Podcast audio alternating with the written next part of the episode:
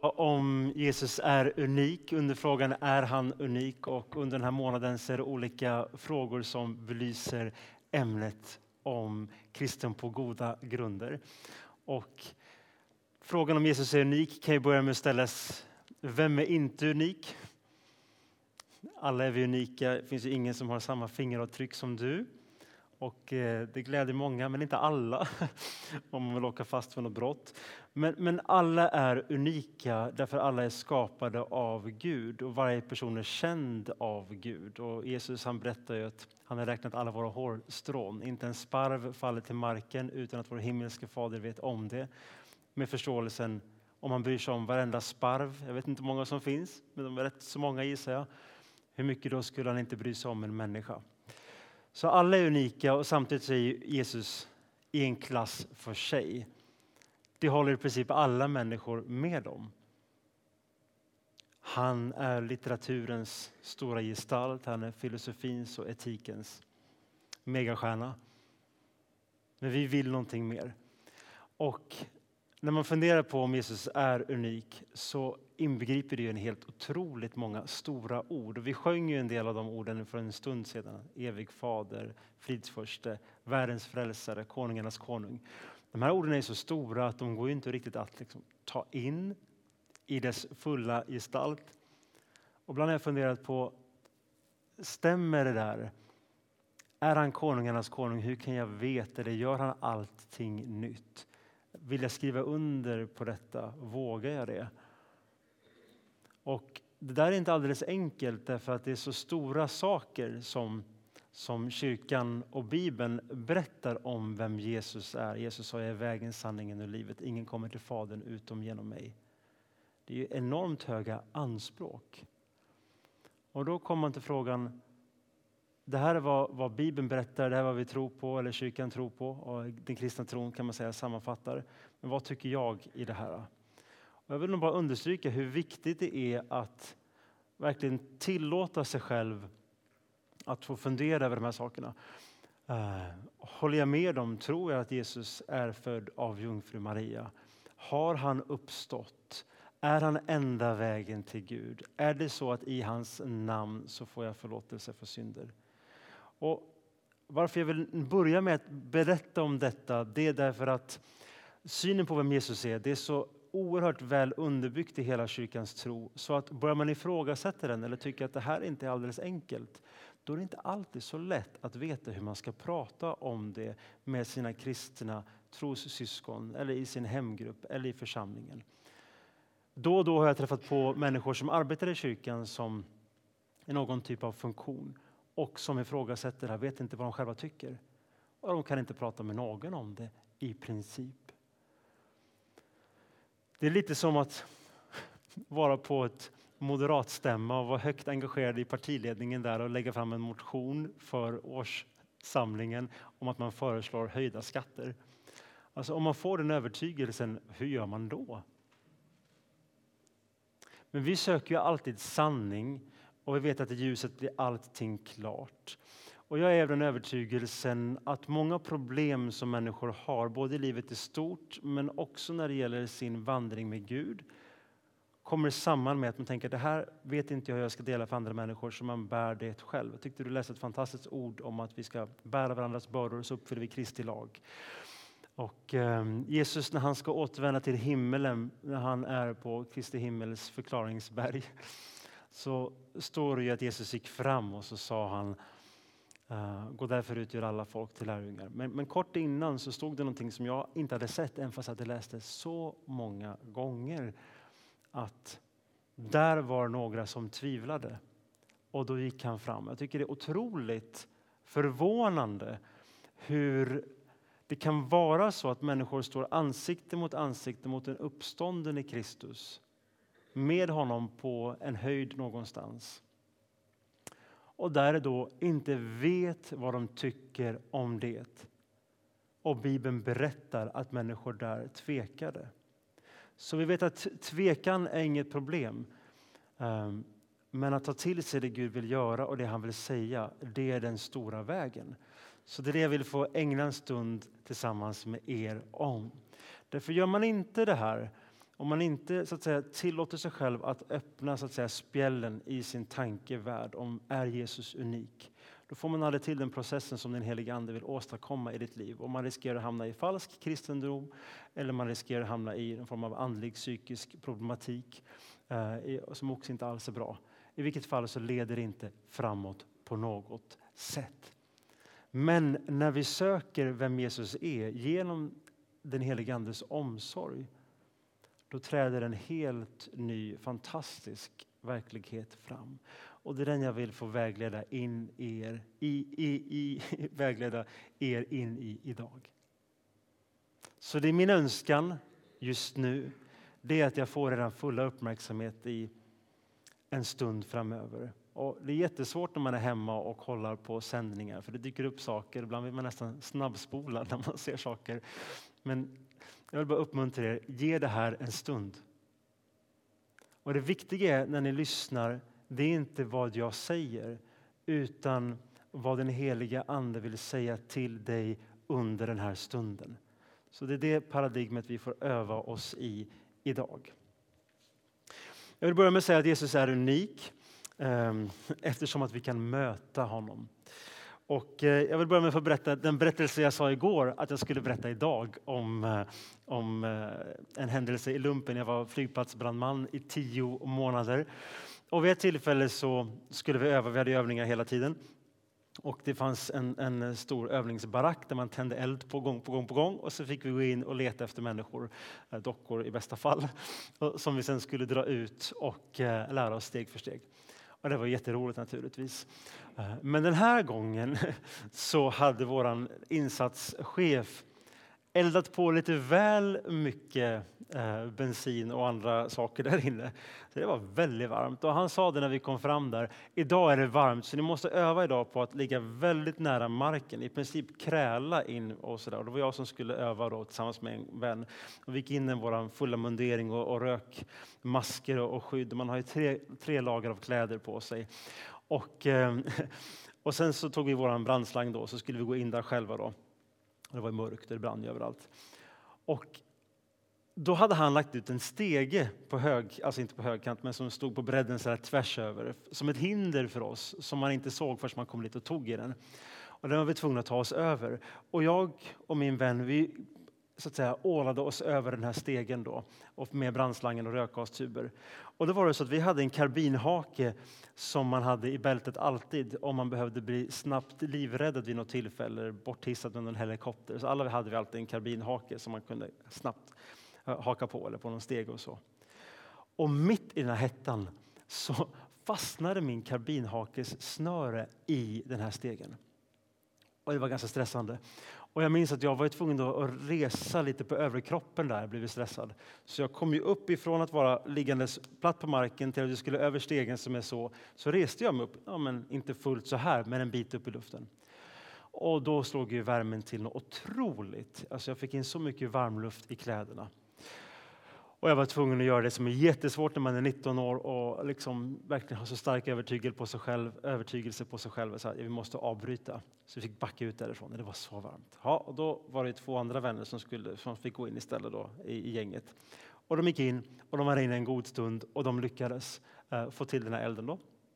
Men när min vän, en av de här två, kom ut då, så, så, kommer, och så, så ropar han av med kläderna, av med kläderna, av med kläderna, av med kläderna. Och sen så vill han ha hjälp och, och vi började hjälpa honom att dra av honom alla kläderna. Då, för han hade så mycket varmluft i hela sin dräkt. Då.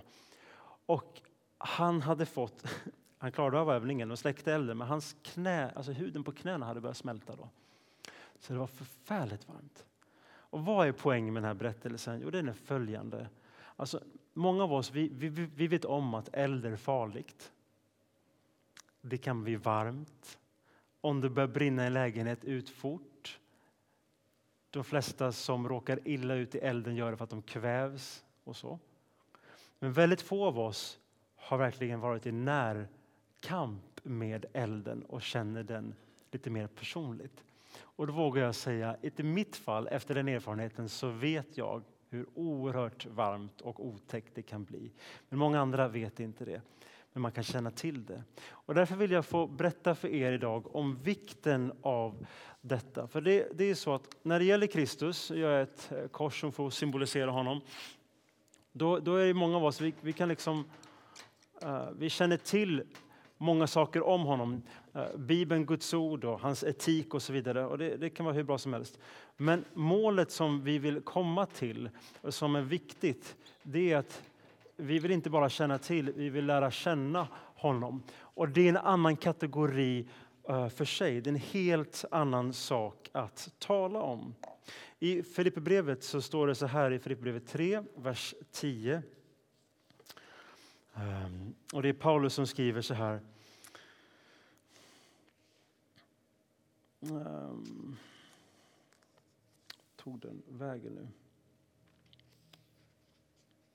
Mm. Nu försvann... Ah, ja, kapitel 4 var jag på naturligtvis. Kapitel 3, vers 10. För jag vill, säger han, och jag läser från kärnbibelns översättning, för jag vill och mitt mål är att lära känna honom personligen och få erfara honom mer och mer och kraften från hans uppståndelse. Och att jag får dela hans lidanden och ständigt bli mer och mer lik honom i hans död. Så det han säger här är att mitt mål är att lära känna honom personligen och få erfara mer och mer av honom och kraften från hans uppståndelse. Och det är en kategori för sig, måste man säga. Och det är det som är det som ger liv, som gör att du kommer att kunna fungera vare sig det finns andra kristna omkring dig, vare sig det finns um, en församling som du trivs i eller fungerar väl i. Jag fick frågan om jag ville vara på, vad jag skulle ta med mig till en öde ö. Det är det som gör att även om du är alldeles ensam så kommer du vilja leva i gemenskap med Herren. Och skälet som det kommer när det kommer dit hen, det är när du lär känna honom och vill förstå djupare allt eftersom du lever kraften i hans uppståndelse. Paulus han skrev om än min yttre människa bryts ned han blev äldre helt enkelt, så förnyas min inre människa dag för dag. Så om det är så att du behöver gå tillbaka ett halvår eller ett år eller tio år för att, så att säga, kunna ha någonting att berätta om när det gäller din vandring med Jesus. Då är det så att det är någonting i din relation som fanns där tidigare men som har fallit ur. På samma sätt som att, att eh, när jag träffade min hustru, när vi dejtade då och sen förlovade oss, det var jättelätt att skriva kärleksbrev, det var lätt att ringa. Hur har din dag varit? Man kunde titta varandra in i de djupblåa ögonen hur länge som helst. Men nu har vi varit gifta i över ett decennium och har tre barn och två kaniner. Och då är det så att då, då behöver man besluta sig för att hon är det viktigaste och jag vill lära känna henne djupare. Det kommer mer an på en, en inställning till det hela, som i det här fallet manas av den helige Ande. Så Jesus är unik genom att vi kan möta honom. Och Thomas, lärjungen, han var en av de tolv, sen då elva efter Judas hade tagit livet av sig, som inte var med när Jesus kom eh, och besökte lärjungarna efter sin uppståndelse. Så de andra sa, vi har mött honom, men det trodde inte han på. Han sa så här, de sa, vi har sett och upplevt och erfarit Herren. Och han svarade Thomas, om inte jag får se hålen i spikan efter hans händer och får sticka ner fingret i spikhålen och föra in handen i hans sida kan jag aldrig tro.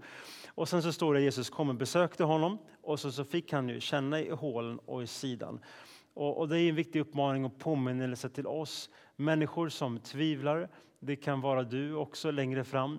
Eh, ge alltid utrymme att stödja och supporta den personen.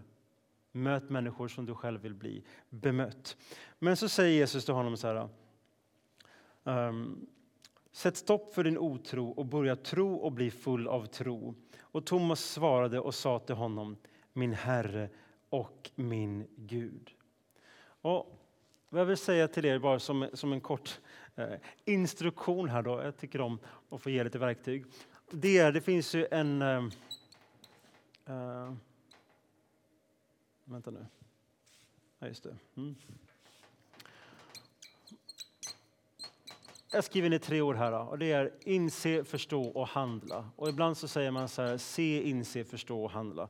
Men det som händer med Thomas, det är att han ser att de har varit med om någonting men han kan inte tro. Sen kommer Jesus till honom och då så vet du, får han möta honom och han får stoppa sina fingrar i hans hål. Så han börjar förstå Jesus Kristus är den han sa att han skulle vara. Och då kommer de sista orden som vi läste. Det var att han faller på knä och han, han handlar utefter sin tro. Han säger min Herre och min Gud.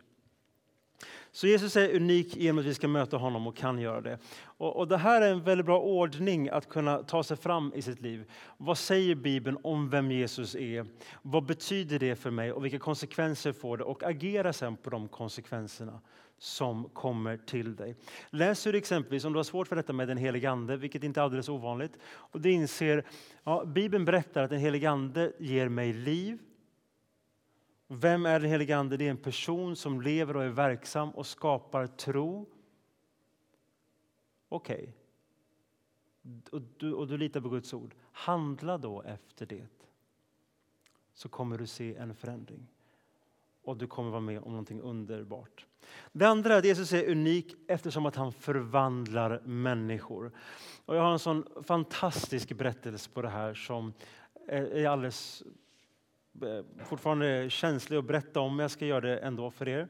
Därför att det var en person som, som kommer betyda mycket i vår kyrka.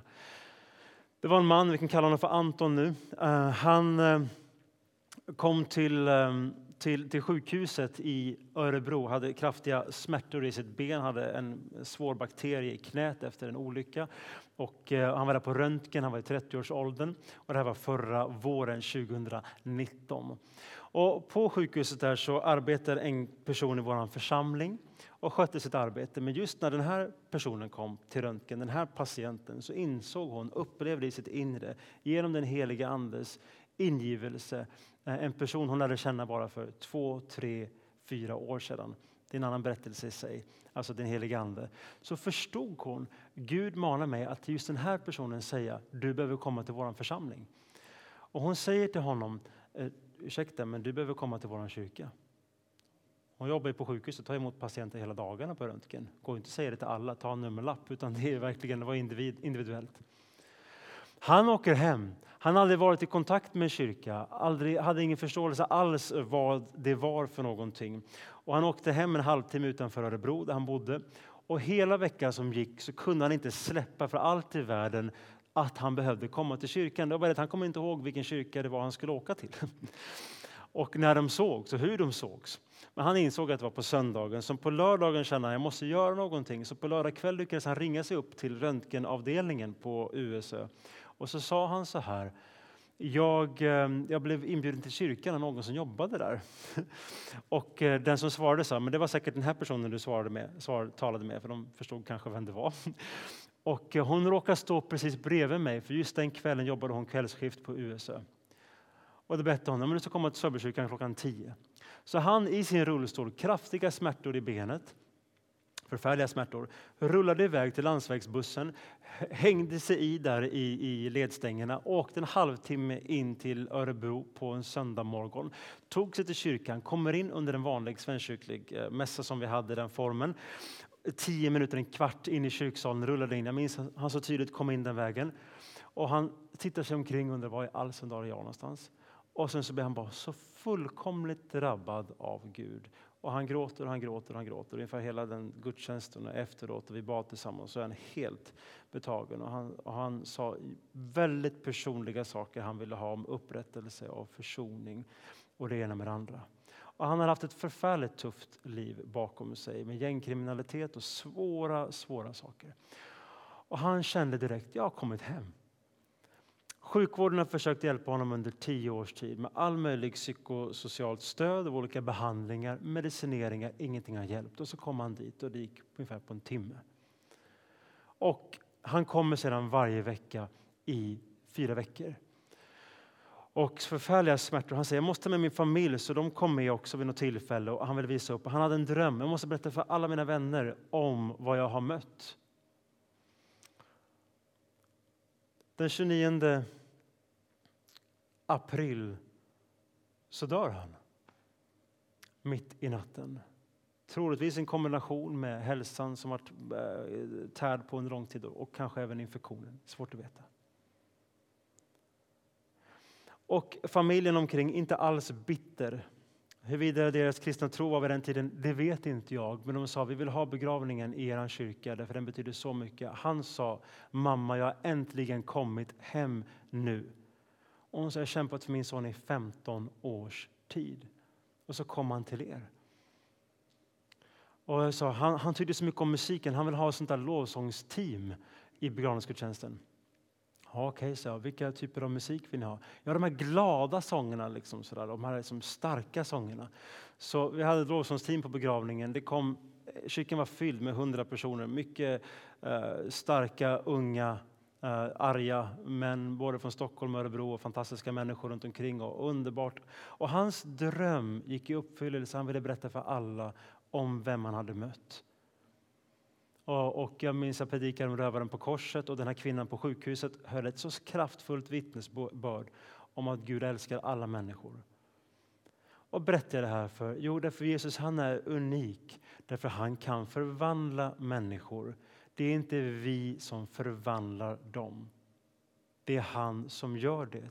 När kyrkor försöker hjälpa Kristus i att förvandla människor, då leder det till religiositet, i värsta fall utbrända kristna, men det ger ingen frukt. Man kan uppleva sig upplyft och känna wow vad häftigt det var, vilken cool samling.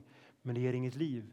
För det är bara en person som skapar liv, säger skriften. Och hans namn stavas J-E-S-U-S, Jesus.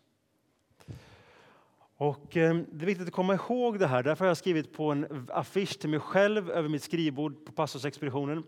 Människor bygger kyrkor, men Gud bygger människor. Jag behöver jämt hjälpa mig själv att ha fokus. För min gamla människa vill hela tiden gå tillbaka till att vi måste bygga den bra verksamheten.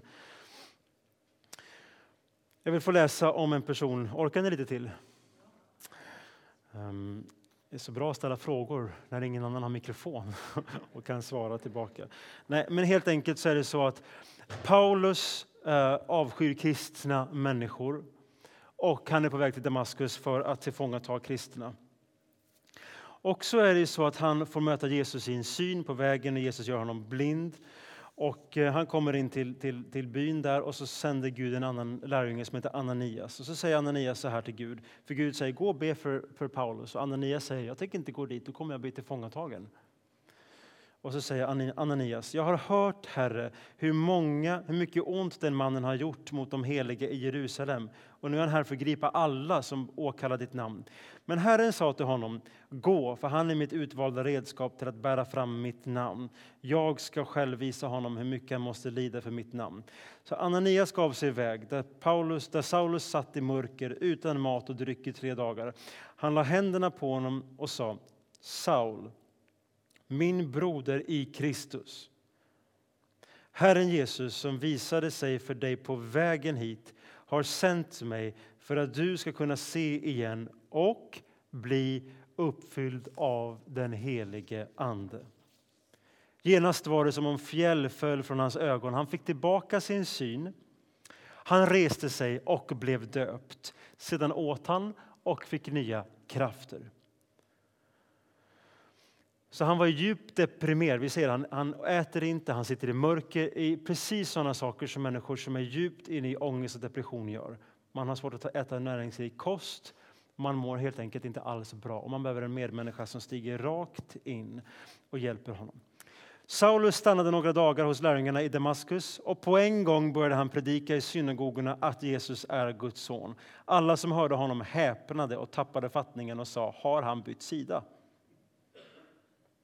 Och det var det verkligen, att han hade bytt sida. Och det här händer, vill jag säga, även i vår tid. Och jag fick se det framför mina ögon förra våren. Och eh, igår så visade jag en, en, en övning som hette för att-övning. Jag ska inte gå in på den så mycket nu, förutom att det är värt att titta på. och eh, det handlar om hur man hittar sina grundvärderingar. Men, men, det finns en annan fråga som man som församling kan verkligen ställa sig, det här med att, att, att Jesus är unik, att han förvandlar människor. Och det är en övning som, som jag själv använder mig ibland som heter så att. Och det är liksom en trappa åt andra hållet. Om du utgår från att ja, men vi vill ha en gudstjänst. Ja, då ställer sin kompis eller i styrelsen eller personalen eller vem man nu är. Ja, så att vad då? Ja, men så att vi får ära Gud. Jaha, okej. Okay. Så att vad då? Så att Gud bli synlig. Jaha, varför då? Så att människor kommer till tro på honom. Jaha, varför då? Ja, eh, så att de får ett förvandlat liv. Jaha, varför då? då? Eh, så att de får bli frälsta. Varför då, då? Så att de verkligen vet att de kommer till himlen. Så att vad då? då? Att de lever ett meningsfullt liv och samhället förvandlas. Och genom det här så hittar man intentionen och drivkraften i vad det är man vill göra. Ofta när församlingar eller kristna människor i allmänhet fastnar någonstans, då är det för att de gör massor med bra saker, men de har glömt bort varför. De vet inte varför de gör det de gör. Och det här hjälper er att klargöra detta. Och i regel till slut så hamnar man i att därför att Jesus förvandlar människor. Och då kommer en väldigt spännande fråga. Ja, men den här grundidén med gudstjänster för att förvandla människor, är det bästa sättet? Eller ska vi ta ett varv till och fundera på, om vi nu vill förvandla människor, hur ser det ut? Ja, Bibeln berättar att det är när människor blir uppfyllda av den helige Ande. Blir man det i våra gudstjänster? Hänger ni med? Så det här är bara ett verktyg för hur ni själva kan, kan tänka så att ni liksom, får, får, får, se mer av detta. Det sista jag vill tala med om är att Jesus han är unik därför att han är här. Och han är också i Örebro. Det är de goda nyheterna. Han är här på riktigt. Jag fick se det framför mina egna ögon också ehm, bara förra söndagskvällen. Då så när vi har hållit på ungefär 20 minuter på vår kvällsgudstjänst som vi har nu eh, så kom det in en tjej som jag inte har sett på månader. Jag tänkte det måste vara hon, men det var inte helt lätt att se. Hon hade färgat håret också. Sådär. Men jag förstod efteråt att det var hon. Så jag pratade med henne när vi drack, eh, hade lite kaffe eller fika efteråt. Jag sa, vad kul att se dig, sa jag. Hur är läget? Jo då, sa hon, ehm, eh, det, det, är bra, men jag har inte varit här på jättelänge. Så här. Hon, hon är 17-årsåldern. Ja, okay, men har du varit med på ungdomssamlingarna på fredagar kanske? Nej, nej, det har jag inte heller varit. Jag har inte varit här på länge, sa hon. Okej, okay, men vad kul att du var här då. Jo, sa hon, alltså jag låg hemma i badkaret och badade. Hon var fortfarande inte blöt i håret när hon kom. Eh, jag var hemma och badade i badkaret och sen så var det um, någon som hörde av sig och sa du borde komma hit. Och jag kände direkt jag måste till kyrkan. Så jag skyndade mig upp i badkaret och sen så cyklade jag på cykeln och så kom jag 20 över 6 till, till kyrkan. Då. Och när jag kom in, Jonas, då kände jag på en gång att jag blev hel igen. Och Poängen med det, det är att Gud gör saker som vi inte kan göra. Du kan inte stiga in i ett rum och bli hel igen om det inte är någonting i den atmosfären. då måste vi ha tilltro till att det är Gud som är den, den atmosfären. Och eh, de, de, spännande sakerna med den berättelse jag läste för er nu i Apostlagärningarna 9 om Saul, det var det som hände kort innan i kapitel 9, vers 4. Ehm, då så säger det så här att när Saul, det vill säga senare Paulus, var på väg och närmade sig Damaskus strålade plötsligt ett ljus från himlen omkring honom. Han föll till marken och sedan hörde han en röst som sa till honom på arameiska. Vi får utgå att Jesus valde det språket han kunde. Um, Saul, Saul, varför förföljer du mig? Då frågade han, vem är du, Herre? Och rösten svarade, jag är Jesus, den du förföljer. Och det här är ett exempel på en berättelse där vi ser svart på vitt att en person efter Jesus hade återvänt till himlen möter honom ansikte mot ansikte. Sen hör vi också om det idag på olika sätt, människor som är med om saker och ting. Men det är ett väldigt tydligt sådant exempel. Och Jesus han sa, jag är med er alla dagar in till tidens slut. Det betyder ju här och nu. Det betyder ju i detta nu. Och hur märker man att man har missat detta? Ja, det märker ni när det här fungerar i privatlivet och um, i vilka församlingar som helst. Det är att du frågar dig så här. Eh, vad ska vi göra? Och den frågan är ju jättebra, men den är livsfarlig. I alla fall om man vill vara med och se vad Gud ska göra. För då är frågan, vad vill Gud göra? Eller den här som var populär när jag var VVJD brukar översättas What would Jesus do? Men en mycket bättre formulering är What will Jesus do? Vad är han på gång och gör? Vad gör han i er församlingsgemenskap? Om ni skulle punkta upp nu, vad är det Gud gör just nu? Vad skulle det vara? Och det han gör, det vill ni göra mer av. Men det är så lätt att vi frågar oss vad, vad ska vi göra så att Guds rike utbreds? Det är bara det att vi kan inte utbreda Guds rike. Han utbreder sitt rike genom oss. Här är en av de absolut största religiösa villfarelserna som låter så bra men som är så fylld av tomma, torra, döda ben. Det är när människor säger vi vill utbreda Guds rike. Det är bara det att du kan inte utbreda det som bara Gud kan göra. Gud vill utbreda sitt rike genom oss. Det han gör vill vi göra. Vi går i tro. Han har en väg. Han uppenbarar den för oss och vi lever i gemenskap med honom. Hur gör vi det? Ja, det är en annan predikan, men det är det jag försökte hinta lite grann om genom att lära känna den helige Andes röst, säger skriften. Så Jesus Kristus, han är så fullständigt unik på så många sätt. Han är judarnas konung, han är himmelens konung. Han är allting det som vi söker efter. Han är helt uppriktig, han är fullkomligt stark. Han tröstar de modlösa, han helar de sjuka. Han upprättar de svaga. Han förnyar där inget hopp finns. Och han är filosofins största gestalt och han är litteraturens största inspirationskälla. Men han är också den som är din räddare och din frälsare när du tar emot honom. Som jag sa i början, alla är unika, eller vem är inte det? Men han är det på ett särskilt sätt. Men det är först när du möter honom som han blir unik för dig. När du möter honom. Inte känner till, utan lär känna honom. Och därför vill jag få avsluta den här uh, gudstjänstens predikan med att uh, få leda er in i en bön innan vi ska sjunga en, en fantastiskt fin sång som jag tror kommer förstärka det här. Ska vi göra det? Ja, Jesus Kristus, vi tackar dig för att du är mitt ibland oss. Och om det är så att du vill ta emot Herren Jesus Kristus eh, på nytt idag igen, så be med mig och gör de här orden till dina. Jesus Kristus, jag tackar dig att du har skapat mig.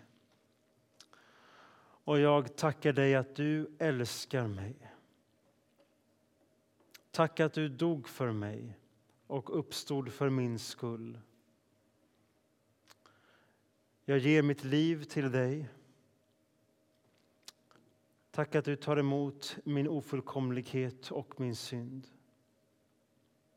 Fyll mig med din kärlek och med din helige Ande och lär mig att dag för dag få leva tillsammans med dig. I Jesu namn. Amen. Ta nu den här sången som ett tillfälle att fortsätta att ha ditt samtal med Herren. Sjung med, eller så gör du inte det utan bara låter dig och ditt hjärta tala med Herren och ta emot vad den helige Ande vill ge till dig. Amen. Tack så mycket.